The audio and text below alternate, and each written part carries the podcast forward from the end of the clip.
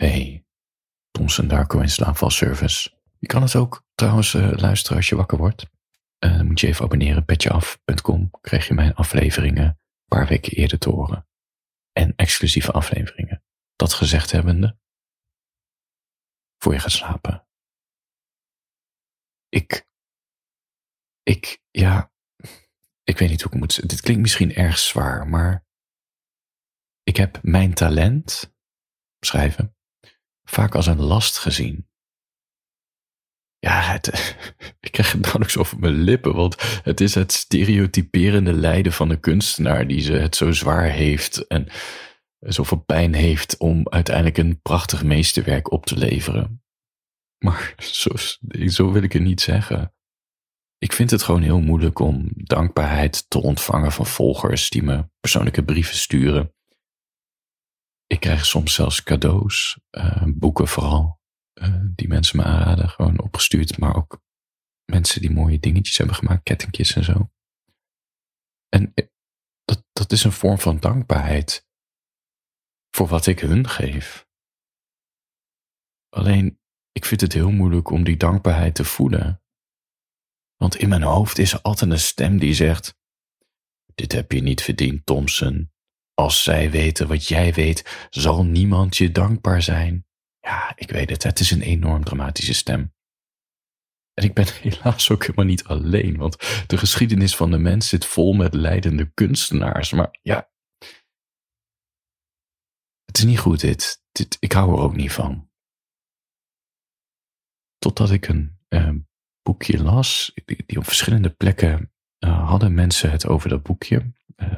Nieuwsbrieven die ik volg en, en stukjes die ik zit te lezen online. Het is een boek uit de jaren tachtig volgens mij, misschien wel ouder. Het heet The Gift van Louis Hyde. En het heeft echt mijn beeld over talent en dankbaar zijn zo omgegooid. Het lijden is onterecht. Ik kijk gewoon helemaal verkeerd naar talent en de. Het is gewoon onterecht, die dramatische stem. En de leidende kunstenaar is ook onterecht. Want als je het inziet dat het leven een cirkel van energie is, dan is kunst energie dat je moet doorgeven. Die je, is nou die of dat, die je moet doorgeven. Zodat de ander het kan voelen. En als de ander het voelt, dan komt het soms terug.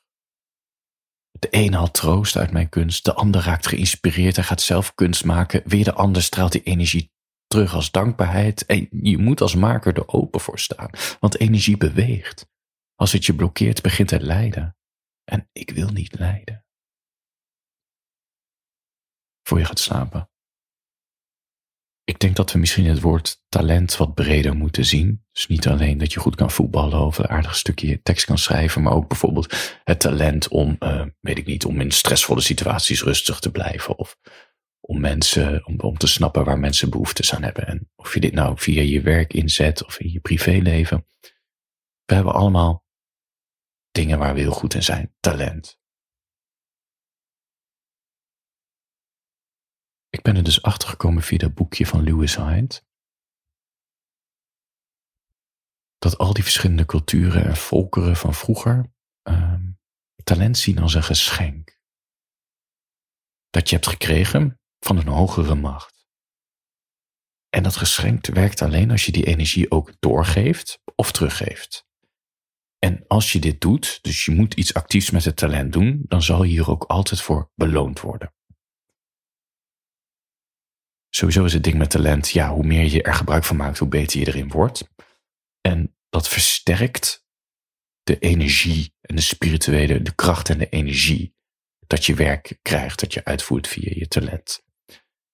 En doordat dat het versterkt, voelen anderen het en merken ze het op en zal je ook dankbaarheid terugkrijgen voor wat je zo goed kan. En dat geeft dus weer een gevoel van voldoening voor jezelf. Kan je me nog volgen? Ik ga even in op dat stukje over dat talent een geschenk is, want het vraagt meer uitleg, ook over hoe die volkeren en culturen dat zagen. Het is, uh, ja, ik kan zeggen, het gaat heel spiritueel klinken, maar je moet het een beetje in de mythische vorm zien, in, in de symboliek en in de, in de rituelen. En met één waarschuwing erbij. ik bedoel met geschenk. Nou ja, dit wijkt af van wat we in onze huidige consumptiemaatschappij als een geschenk zien. Weet je, want nu is er, zijn geschenken um, vooral een uitwisseling geworden van producten. Weet je, van een verjaardag is daar wel een goed voorbeeld van. Een product is geen geschenk. Ik ga er zo op in. Voor je gaat slapen. Hij gaat in het boek The Gift, Lewis Hyde gaat in op een aantal volkeren. En ik wil er eentje uitlichten. Dat zijn de, de Mao... Oh god. Uh, uitspraak alert. De Maori. Zeg ik dat goed? Volgens mij wel. Die, die, die zitten in Nieuw-Zeeland. De Maori's. En zij... Kijk, een geschenk is iets wat je van de een geeft aan de ander. Dat is een simpele uitwisseling, toch? Iets fysieks. Een geschenk. En zij zagen een derde element bij een geschenk. Dat zagen heel veel volkeren, maar we gaan nu even inzoomen op die Maori's. Zij hadden het over hou. Hendrik, Anton, Utrecht. En dat is te vertalen in het Engels als spirit en ik denk in het Nederlands als bezieling. Het idee is als volgt.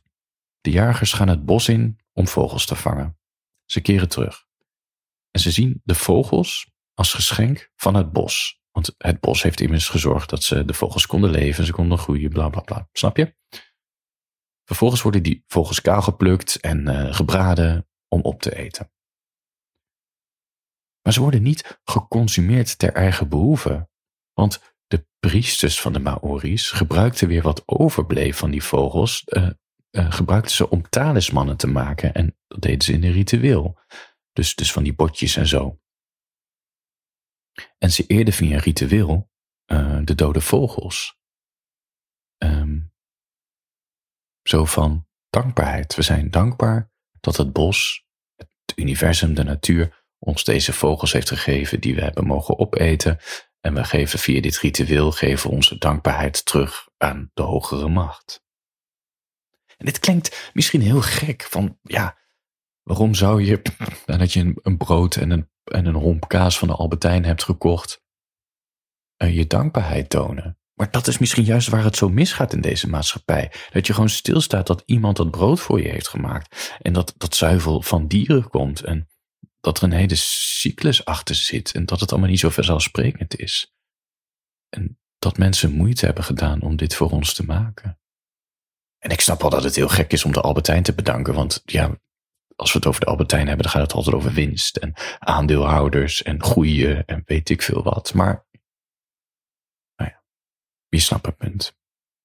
Het geeft aan bij die Ma Maori's, dat ritueel, dat geloof, dat ze gewoon hyperbewust waren dat de mens onderdeel is van de natuur.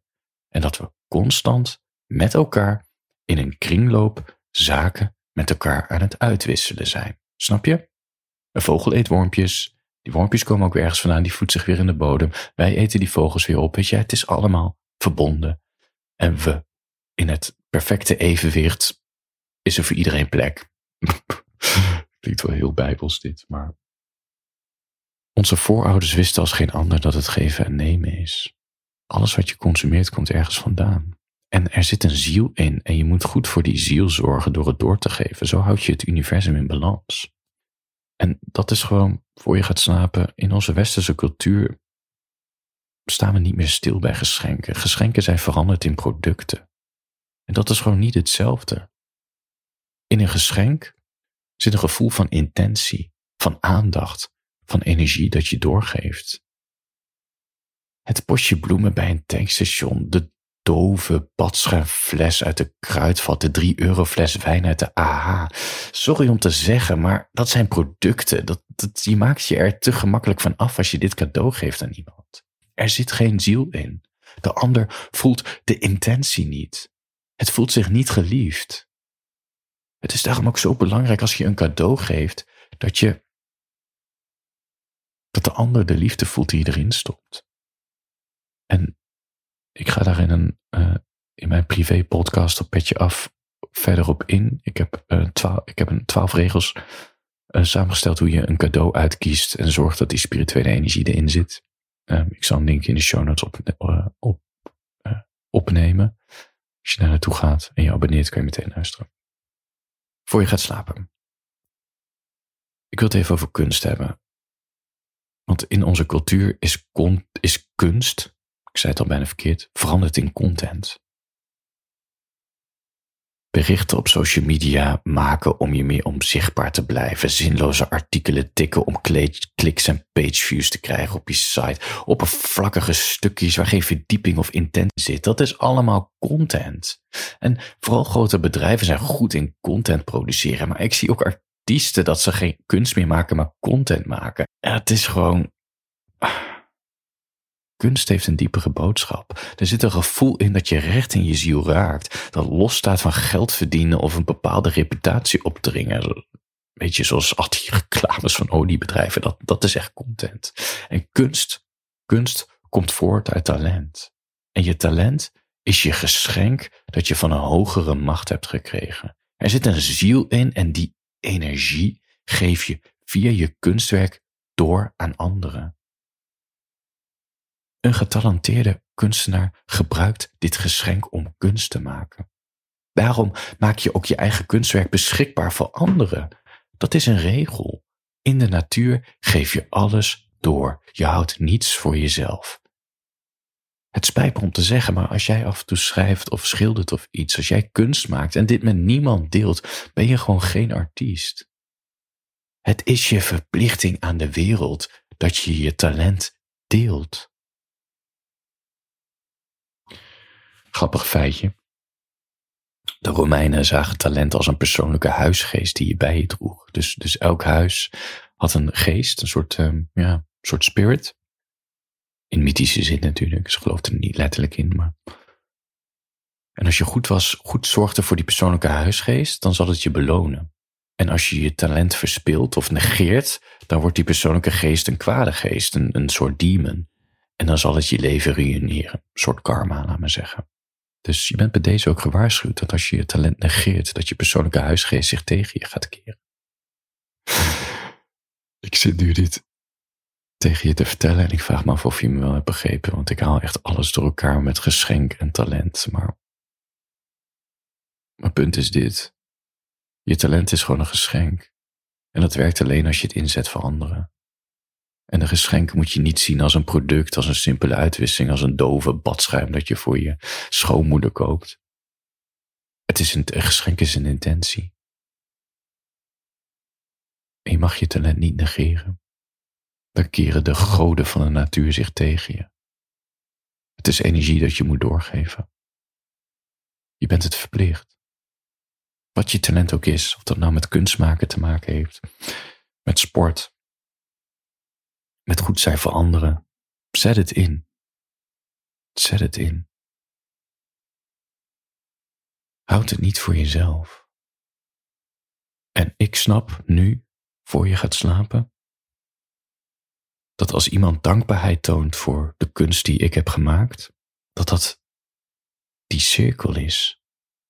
Ik heb gebruik gemaakt van mijn talent. Die energie zit in het kunstwerk. Iemand leest iets wordt geraakt, voelt die energie, die intentie die erin zat en wil die energie teruggeven aan mij van hé, hey, ik heb er wat aan gehad. Ik dank jou hiervoor, ik ben me hier bewust van deze kringloop. En dat kan dan een lief berichtje zijn of een cadeau die terug wordt gestuurd. Daar mag ik niet zo negatief over doen als in dat, dat ik het niet durf te voeden omdat ik een negatief zelfbeeld heb. Het is part of de kringloop. En dat heeft dit boekje me geleerd van Lewis Hyde, The Gift. Snap je? Het lijden van mij is gewoon onterecht. Het is een cirkel van energie en ik ga het voelen. Het voedt mij ook weer die dankbaarheid en ik moet er gebruik van maken door nog mooiere dingen te maken, zodat mensen het nog meer voelen, zodat ze nog meer dankbaarheid kunnen tonen aan mij. Nee, dan wordt het weer een ego-ding. Ik doe het niet om dankbaarheid te krijgen, maar ik accepteer nu dat dit een gevolg is van wat ik maak. Dat die energie soms terugkeert. En ik moet er als maker voor openstaan. Wat ik al zei, als het energie beweegt en als je het blokkeert, dan wordt het lijden en ik wil niet lijden. Ik wil alleen maar beter worden in dat wat ik wil vertellen aan de wereld. Voor je gaat slapen, Handjes boven de dekens. Ik zeg het het dove, maar het is doof. Dove badschuim, excuseer. Slaap lekker.